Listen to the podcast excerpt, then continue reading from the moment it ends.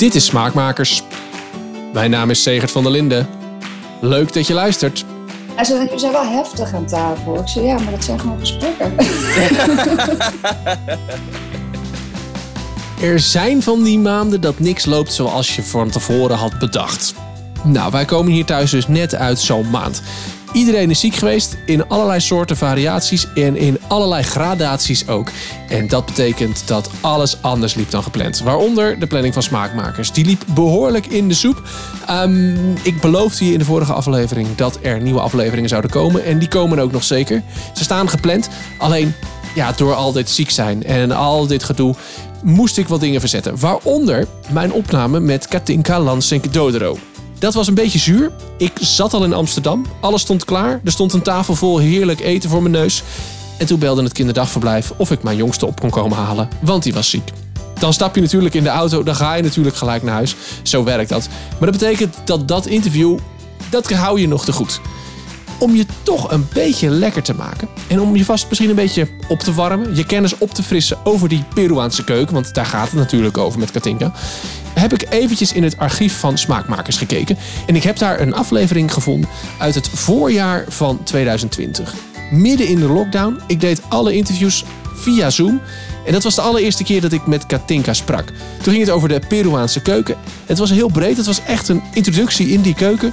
En ik dacht, hey, dat is nou wel leuk. Aangezien ik over een poosje weer bij Katinka zit, kun je vast even je kennis van die keuken opfrissen. Dus vandaag voor je een oudje uit het archief van Smaakmakers. Mijn gesprek met Katinka Lansing-Todero uit 2020 over de Peruaanse keuken. En dat gesprek, dat begint, gek genoeg, in Mexico. Ja, wat ik zelf een hele mooie vind, het heeft niet met, niks met de Peruaanse keuken te maken, maar het heeft te maken met samen, trots, uh, eten uh, en, en, en, en liefde. En dat gaat over mijn ouders die samen kookten. Oh, ja. En ik had, al, uh, ik had al iets gedeeld met mijn volgers over de Mexicaanse keuken. Uh, misschien is dat wel ook wel meteen een leuk voorbeeld. Uh, mijn ouders hebben elkaar ontmoet in Mexico. Hebben ze gewoond, zijn ze getrouwd. Ik heb er zelf ook gewoond. En uh, zij hebben uh, ja, altijd, als zij samen gingen koken, mijn vader kookte fantastisch, mijn moeder die kookt nog steeds fantastisch. En uh, dan gingen ze, nou, ze deden dat echt samen. Dus een aantal onderdelen van de Peruaanse werden dan echt, of de Mexicaanse keuken, er werd dan echt traditioneel gekookt. Ze zijn niet te spreken over wat je nu allemaal restaurants ziet. Geen Tex-Mex in, in jullie huishouden? Mijn vader die maakte de vleesjes klaar en de guacamole en de pico de gallo. Mijn moeder maakte de, de, de, de, gebakken bonen, de, de frijoles fritos en de tortillas. En we gingen echt een week aan vooraf, dagen aan vooraf, waar, wanneer het beste, de beste ingrediënten verkregen konden worden. Uh, ook een schema wie, stond wanneer in de keuken. En als tegelijkertijd, want het was een enorme keuken, dus uh, dat kon ook. Maar dan was één hoek van mijn moeder en een andere hoek van mijn vader. en ondertussen hadden ze het altijd over Mexico. En het ging vanaf daar tot aan echt de, de, hun Mexicaanse servies en tafelkleden kwamen uit de kast. Uh, tequila, jawel. tequila, Hoort er toch ook bij, ja. Ja, dat, uh, dat vonden ze allebei heel erg leuk. En dat, uh, ja, dat, dat, dat, vond ik altijd zo mooi en bijzonder. En ik doe dat nu voor de hele familie, maar het is toch anders. Maar ik, vind, ik, ja, ik moet dat echt een, ja, met een heel warm gevoel aan denken. Mooi dat je dat meekrijgt, zo'n beeld van je ouders die dat zo samen iets, zo'n project oppakken of zo. Dat, dat, is, dat is wel gaaf. Dat konden ze echt met grote liefde met elkaar doen. Er waren dingen die ze absoluut niet met elkaar moesten doen, maar dat was echt. ken, je, ken je grenzen ook, hè? Dat is ook heel goed. Ja. en dan meerdere dagen, maar dat snap ik ook wel. Want als je bijvoorbeeld zo, die, die bonen die jij benoemt, volgens mij moet je dat, dat moet, moet ook heel lang koken en zo. Moet weken koken, et cetera. Dat duurt ook lang. Ja, en, en vroeger helemaal. Je kon, uh, je kon de, de maseca, dus uh, de tarwebloem of de maïsbloem, kon je, kon je niet zomaar krijgen in Nederland. Dus, uh, en het echte, het juiste vlees, het moest ook speciaal besteld worden. Het moest ook gekeurd gaan worden. avocados kon je vroeger ook niet krijgen. Nee. Nou ja, kruiden zoals koriander, dat ging, werd speciaal naar de groothandel gegaan. En de laatste jaren was het natuurlijk makkelijker, maar nog steeds werd de kwaliteit goedgekeurd. En de eerste keer dat ik kookte voor iedereen het was echt geweldig. Dat gingen mijn ouders allebei voor mij heel spannend. En hoe vinden jullie het? Ja, ja. En uh, ze zeiden, dus, ja, ze vonden het fantastisch. En dan weet ik niet, het was ook een, een deel dochterliefde zijn. Ja. Ja, maar dat is, dat is altijd onderdeel van die, van die food memories die ik hoor. Is altijd onderdeel is dat, dat misschien niet altijd het eten, de, waar, de, de kwaliteit zeg maar, van het eten niet altijd het allerbeste is, maar het is de liefde die er vaak uh, uitspreekt uit dat soort verhalen. De liefde van de mensen om je heen of de liefde voor het eten, dat, dat komt eruit voort. Dat maakt dat je, dat je het je herinnert. Ja, we gaan het echt hebben over de Peruaanse keuken. Een keuken waar Katinka mee opgegroeid is. Haar moeder komt namelijk uit Peru. Maar ik wil toch die Mexicaanse keuken even als een soort beginpunt nemen. Ik weet niet hoe het met jou zit, maar ik ben veel bekender met de Mexicaanse keuken dan de Peruaanse keuken. En het leek me daarom wel aardig om die twee eens met elkaar te vergelijken. En wat blijkt? Er zijn best wel wat overeenkomsten. Nou, het zijn allebei uh, biodiverse landen. Uh, allebei. En dat zijn ook meteen de twee landen in heel Latijns-Amerika waar de grootste biodiversiteit is. Er zitten ook meerdere invloeden uit andere culturen. Uh, Peru meer dan Mexico. Kleur, geur, verse ingrediënten, de trots op moeder aarde. ceviches. Mm -hmm. Alhoewel die natuurlijk uit Peru komen. Ja. Ja, en, en de biodiversiteit brengt met zich mee dat ze dus allebei uh, heel veel soorten mais hebben, veel soorten groenten, fruit, uh, vlees, uh, veel soorten vis, zeevruchten. En dat verwerken ze allebei in hun keukens. Ja. En dat is heel leuk. En je hebt ook veel fusion invloeden. Dus het maakt het heel rijk. En ook een hele mooie, leuke keuken om mee te spelen. Ja. En een gezellige keuken, want je deelt veel aan tafel.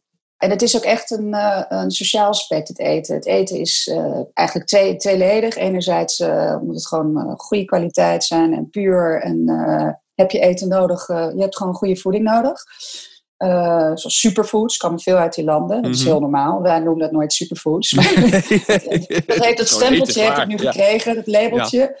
Uh, maar anderzijds is eten ook heel erg, uh, naast je gezondheid, ook uh, mentaal gewoon, je, je deelt het. Het is een sociaal aspect. Dus ook ja. vroeger, mijn familie kwam gewoon in de weekend bij ons lunchen. Dat was gewoon bij mijn opa en oma. Dat was, het was, en dat geduurde dan uren, uren. En ik weet ook dat mijn man voor het eerst bij mijn ouders kwam, twintig jaar geleden. En uh, we waren daar, die wo ze woonden in Spanje en uh, we waren daar om even een lang weekend, eventjes nog net, nog net kort genoeg om voor het geval tegen zou uh, mm -hmm. vallen. Oh ja, ja. en na de eerste avond toen zei mijn vriend van zo, dat was, dat was een lange zit. Ik zei, vond je het leuk? Hij zei, ik vond het geweldig. Het was echt bijzonder. Toen zei ik, nou, wen er maar aan. Hij zei, zo, dat is toch niet elke avond? Ik zei, ja, dat is, elk, dit is echt heel normaal. Het hoort erbij. Ja. Hij zei, jullie zijn wel heftig aan tafel. Ik zei, ja, maar dat zijn gewoon gesprekken. dat hoort gewoon bij de cultuur. Ik, ik denk ook heel gauw aan, aan, daar, dan, dan aan samen eten, maar ook snel aan streetfood. Ja, er is ook een parallel bij de keukens. Uh, in Spanje, in, in Peru is het uh, echt een hele levende cultuur de streetfood. Uh, dat is, in veel gevallen is het een uh, mix van verschillende fusionkeukens, maar het is ook in veel gevallen ontstaan vanuit armoede. Mm-hmm. Om een voorbeeld te noemen, wat heel erg hot is, zijn anticuchos. En dat zijn eigenlijk satéetjes. Op een grote, hoe noem je dat? Een grote ton met steen, hout, steenkool? Houtskool. Houtskool, denk ik. Ja. Houts, ja. ja. Het is een allochtone kant hoor, dat ik zo en daar wordt dus op gegild. Maar oorspronkelijk is het door de, door de Afrikaanse slaven is het bedacht. Want zij kregen vleesafval van uh, de Peruanen. En dat, was altijd, dat waren ingewanden. En runderhart bijvoorbeeld. Dat was inferieur vlees. En uh, zij namen dat mee naar huis. En ze gebruikten de kruiden die ze konden vinden. Die gebruikten ze ervoor. Dan marineerden ze het mee. En s'avonds gingen de moeders de straat op. En die gingen dat gillen en verkopen. Nou, nu is dat echt eten voor iedereen. En ook heel chic eten. ja. Maar het is... Uh, en het wordt ook in meerdere vormen nu uh, gemaakt. Niet alleen maar rundehart. Maar het blijft heel lekker rundehart. Wij vinden dat een beetje eng natuurlijk. Maar het smaakt gewoon naar haas. Zo mals is het. Als het als het goed bereid is. Nou, en zo zijn heel veel dingen ontstaan. Of uit armoede in oorlogstijden, of ook mixen tussen verschillende keukens. Die verschillende keukens, daar komen we straks nog even op terug, want dat speelt echt een hele bijzondere rol in de Peruaanse keuken. We gaan eerst even terug naar de basics, want wat moet je nou eigenlijk in huis halen om goed Peruaans te kunnen koken? pepers. Mhm. Ja, oké. Echt uh, absoluut pepers. Uh, pepers uh, werden vroeger door de Inca's het goud genoemd. Ze hadden meer waarde dan echt goud. Er was veel goud. Want zonder dat konden de, de krijgers niet vechten of op jacht gaan. Dus pepers zijn heel belangrijk. Citrusvruchten die de Spanjaarden hebben meegenomen naar, mm -hmm. naar Latijns-Amerika, dus limoenen. Overal ook in de Mexicaanse keuken gaan limoen, gaat limoen over op tussen uh, onder. Dus pepers, limoenen, uh, koriander gaat echt in heel veel uh, gerechten. En aardappels en ja. mais. Aardappels komen uit Peru. Je hebt een paar duizend aardappels. En ja, en die zijn meegenomen door de Spanjaarden weer naar Europa. Ja, aardappels die zijn heel erg... je hebt ze in allerlei kleuren, vormen en soorten en smaken. En mais ook. Ja, dus dat, zijn de dingen die echt uh, altijd overal verwerkt zijn. En veel. Ja, want dat is wel weer een grappig truc. Uh, uh, mais, ik, ik heb natuurlijk even over jouw website zitten bladeren van, van de week. wij denken bij mais eigenlijk aan eigenlijk één soort. Hij is geel, suikermais uit de winkel. Maar er zijn hoeveel tegentige soorten zijn er wel niet, volgens mij. En die zijn, in Peru heb je veel meer soorten natuurlijk. Ja, precies. In Peru heb je, heb je een paar honderd soorten. En uh, je hebt bijvoorbeeld mais die wordt uh, alleen gepoft. En dat is dan het nootje op de bar. Je hebt mais die uh, wordt alleen maar gekookt. Je hebt mais wordt alleen gegrild. Maar je hebt ook mais waar bijvoorbeeld sap en toetjes van worden gemaakt. Donkerpaarse mais, heel populair. Smaakt ja. een beetje naar een, een zoet besje. Dat was mijn ja. lievelingstoetje als, als kind. Oh ja? zo'n, ja, zo'n hoe heet dat? Ik vond zo'n zo'n gelatine drillerig toetje, donkerpaars, maar zo lekker. Wat voor gerechten moeten we aan denken bij de Peruaanse keuken? Uh, ja, ook dat is heel divers. Ik, ik heb eens een rekensommetje gemaakt. Als je zou willen, zou je meer dan 20 jaar of 25 jaar zou je elke dag een ander gerecht kunnen eten. Omdat er zoveel ingrediënten zijn. Oh, wauw. Ja, als ik aan Peru denk, denk ik eigenlijk niet aan gerechten, maar dan denk ik meer aan uh, de keukens. Dus je hebt, uh, je hebt de traditionele keuken. Ceviche is echt traditioneel. Maar je hebt ook uh, heel veel invloeden. Uh, je hebt de Chinese invloeden en die keuken. En het is zo grappig worden de, de ingrediënten en de, de, technieken vanuit China zijn meegenomen begin 19e eeuw. De arbeiders die naar, China, naar Peru kwamen. En die zijn gemixt met de lokale ingrediënten van Peru. En daar is een hele keuken uit ontstaan. Dat de Shiva-keuken. En je hebt echt nou, duizenden restaurants ervan in Lima alleen al. Wauw. En dat zijn veel roerbakdingen en uh, gebakken rijst. Oh. Mijn favoriet daarvan is lomo saltado. Dat is een roerbakgerecht met, met rund en geflambeerd in pisco, wat natuurlijk ook onontbeerlijk is op tafel. Ja, leg even uit wat pisco is. Pisco is een white liquor. Het is gemaakt van druiven. en het komt uit Peru. En het wordt uh, gedronken uh, op twee manieren. Of puur, als, als, uh, je, hebt daar weer andere pisco-soort, puur als, als een soort van jenevertje. Mm -hmm. Of in de lokale of in de nationale cocktail, pisco sour. Dat is fantastisch. ja. En um, nou ja, daarna heb je, daarnaast heb je ook heel veel Japanse invloeden. Je hebt de Nikkei-keuken, die heel veel mensen wel kennen. Ja, en er zijn in de eind 19e eeuw zijn er heel veel Japanse arbeiders ook naar Peru gekomen, om daar, uh, omdat ze daar meer geld konden verdienen. En die zijn er blijven hangen. En uh, zij konden niet hun ingrediënten naar Peru halen. Dat konden ze, de Japanners in Brazilië wel. Dus daar is een hele fusionkeuken ontstaan. Met Japanse snijtechnieken. Uh, met uh, rauwe vis zoals uh, sashimi gebruikt. Maar dan met Peruaanse ingrediënten. Gaaf. En ik vind het heel tekenend dat in andere landen, zoals in Nederland... Dat is heel grappig. Er zijn Peruanen heel erg picky op... De ingrediënten moeten echt uit Peru komen. Terwijl ik gebruik gewoon ook Nederlandse ingrediënten. Of pepers, Peruaanse pepers die hier verbouwd zijn. Want die zijn echt net zo goed. Het is Nederlands goed, maar die zijn net zo goed. Maar in principe doe, doe ik dan hetzelfde wat al eeuwenlang in, in Peru gebeurt. Namelijk het fuseren van uh, ingrediënten en Ja. technieken. Het moet voor iedereen toegankelijk zijn. Dus dat vind ik super belangrijk en, en leuk. En dat, dat maakt de keuken ook. eh, de hele Peruaanse gastronomie. Het is gewoon heel creatief daardoor.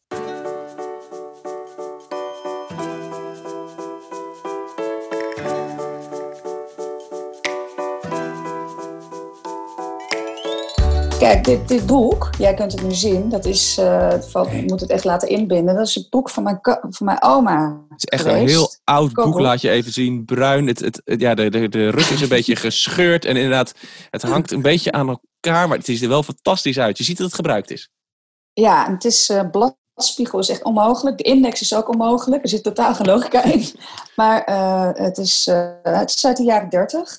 En als je hierin gaat kijken, dan zie je eigenlijk dat heel veel gerechten die nu op de, de, de kaarten staan, de Peruaanse restaurants, zowel in Peru als buiten Peru, dat die nog steeds in het boek staan. ook al in dit boek staan. Ja. Alleen er is een evolutie. Dus sommige dingen zijn wat verder uitgewerkt, sommige ingrediënten worden weggelaten of toegevoegd. Maar de basis is nog steeds hetzelfde. Dat is heel mooi om te zien. Ja. Dit is mijn uh, naslagwerk uh, eigenlijk. Gaaf. Gaaf dat je dat hebt, zo'n boek van je oma. Mooi.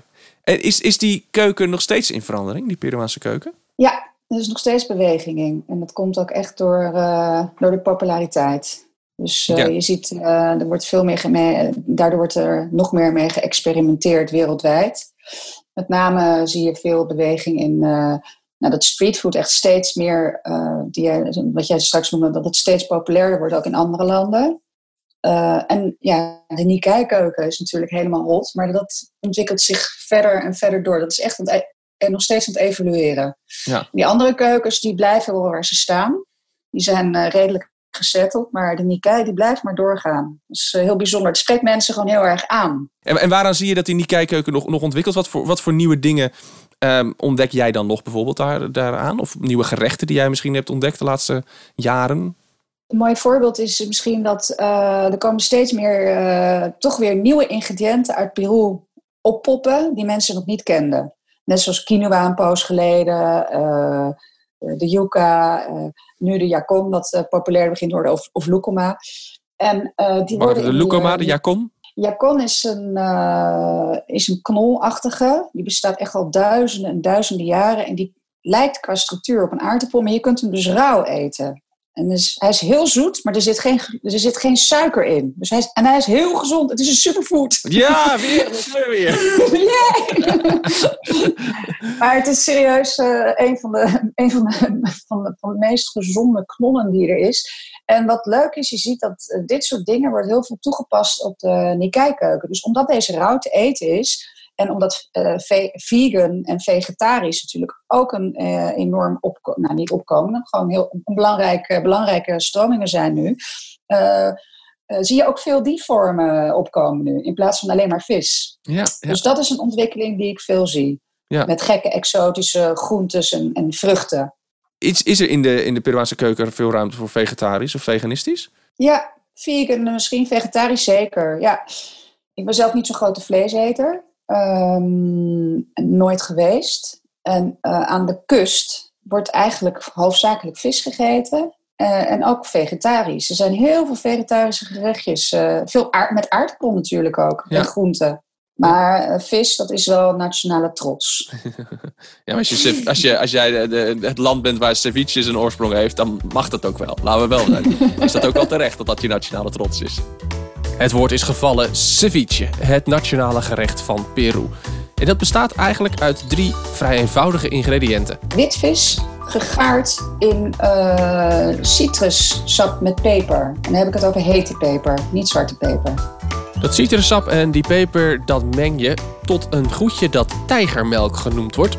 En die heet zo omdat hij uh, wit, hij wordt een beetje melkachtig van kleur. Vanwege de vis die erin gaart. Uh, dat is het melkgerecht. Een tijger, omdat je er heel sterk van wordt. Het is echt... Uh, het is heel goed voor je weerstand. Het is heel goed antikatenmiddel. En het is een afrodisiac nummer 1. Oké, goed om te weten. die tijgermelk die gebruik je vooral om de vis in te garen. En dat is bijzonder, want aan dat hele proces komt geen warmte te pas. Je kookt de vis doordat er een uh, chemische reactie ontstaat. Door de, zuur, de, de zuurgraad in de limoen bijvoorbeeld, limoen wordt het meeste gebruikt, kookt de vis. Dus als je een niet-wit vis zou nemen, daar kun je het heel goed aan zien. Bijvoorbeeld een rauwe zalm leg je in zuur met peper. Dan wordt hij, nou, als je vijf minuten laat liggen, dan is hij al grijs. Dan is hij dus gekookt, doorgekookt. Uh, dus dat doet het met, de, de, door de zuren verandert, verandert de structuur van de enzymen waardoor de vis gaart. Dus dat vind ik een verschrikkelijk interessant en cool eraan. Ja, en wat maakt, wat maakt een ceviche nou een goede ceviche? Ik zou eigenlijk eerder omdraaien. Wat maakt het niet een goede ceviche? Ehm, de, de reden dat ik hiermee begonnen ben, uh, was omdat ik gewoon ook de deur uit wil en gewoon ergens een lekkere ceviche wil eten. Maar op heel veel plekken staat hij inmiddels op de kaart. Maar heel vaak is het het gewoon niet. Uh, dus wat gaat er mis? Uh, wij zijn als Nederlanders zijn we niet gewend aan het hele zuren. Dat komt, begint steeds meer te komen door ingemaakte zuren. Maar, uh, dus er wordt vaak suiker toegevoegd. Dat is echt een no-go. Of um, er wordt in plaats van de vis wordt in zout gelegd, maar er wordt ook nog een zout toegevoegd. Dat is dubbelop. Dan krijg je echt een, een hele heftige uitkomst. Tweemaal zout. Er worden heel vaak, om, om die smaak, omdat we die vaak niet kunnen duiden, worden er honderdduizend ingrediënten toegevoegd, maar less is more. Dus uh, die granaatappelpipjes of geroosterde quinoa, nee, weg ermee. en dat zijn, ja, en dat, dus, dus, dus less is more, uh, uh, niet te veel zout en zeker geen suiker. Ja, dus dat is wel wat je ziet bij ceviche, de, de less is more en ik merk ook gewoon dat er heel veel interesse is. En dat is heel leuk. Uh, elk jaar meer. En dat zie ik vooral rond de kerstperiode. Nou ja, goed, ik nu ook. Elk weekend zat ik, nou, even nu niet natuurlijk, maar zit ik volgeboekt. En op de maandagen voor, voor chefs met mijn workshops. Maar voor kerst, eerst was het een maand van tevoren. Uh, jaar erop twee maanden. En afgelopen jaar begon ik in september al met het geven van kerstworkshops aan zowel chefs als mensen. Mensen willen gewoon uitpakken en willen gewoon heel veel erover weten. En je hebt natuurlijk, uh, dit is de traditionele ceviche die ik uitleg, maar je hebt natuurlijk uh, heel veel varianten in Azië, Mexico, de Filipijnen, de, de Fiji-eilanden. Dus het is heel leuk om al die verschillende toepassingen te laten ervaren. Ja, ja het is natuurlijk te gek. Het is iets wat bijzonder is, waar je inderdaad wel echt mee kan uitpakken. Dus ik snap inderdaad wel dat mensen zeggen, dit ga ik voor de kerst doen of zo. We gaan eens even, wij gaan met kerst, we doen geen uh, classic, we doen geen kalkoen of wat dan ook. Wij gaan ceviche maken. Ja, het is ook niet meer een zomergerecht alleen maar. Dat, dat vind ik leuk. Dat, Je merkt een kleine kentering in. Het staat nog niet op de, veel kaarten in de winter, maar het begint wel te komen. Dat, dat, vind, ik, uh, dat vind ik fijn. Dat is ook mijn missie. het hele jaar door ceviche kunnen eten. Ja. ja. Wat nou als, jij, uh, als ik thuis met de Peruaanse keuken aan de slag wil? Wat moet ik, wat moet ik in huis halen? Welke ingrediënten zijn? Wat, wat moet ik in mijn keukenkastje hebben staan? Alleen maar verse dingen. En alles overal verkrijgbaar. Dus limoen, limoenen. Mm koriander, het liefst met iets kleinere blaadjes die ook mooi zijn om te garneren. Uh, pikante peper.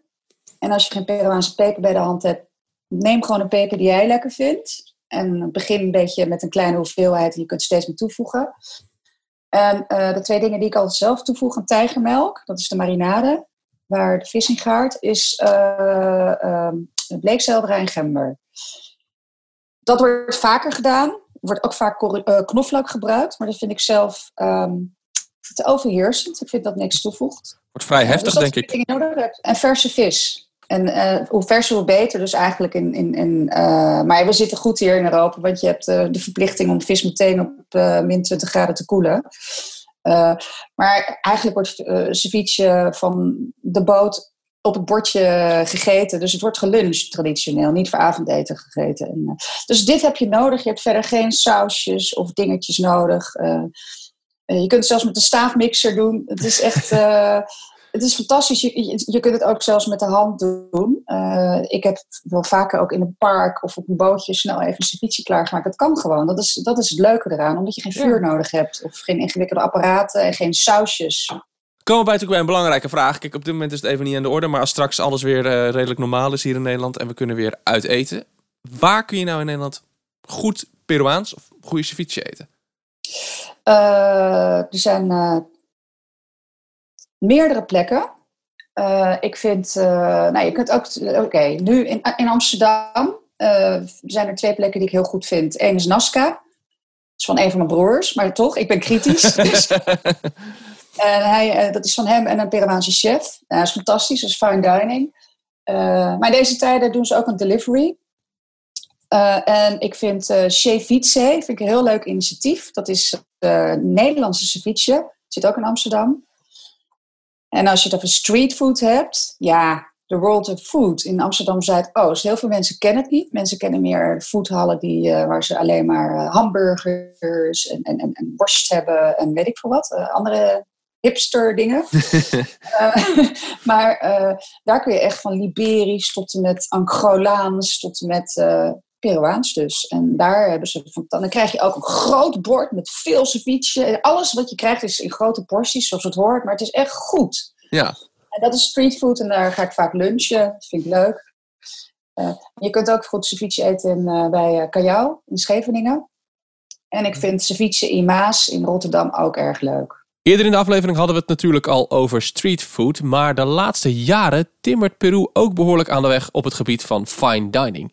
En dat is te danken aan één man. Nou, dat komt door mijn grote held Gaston Acurio. Vertel. Hij is een van de grote drie die wij kennen in uh, andere landen.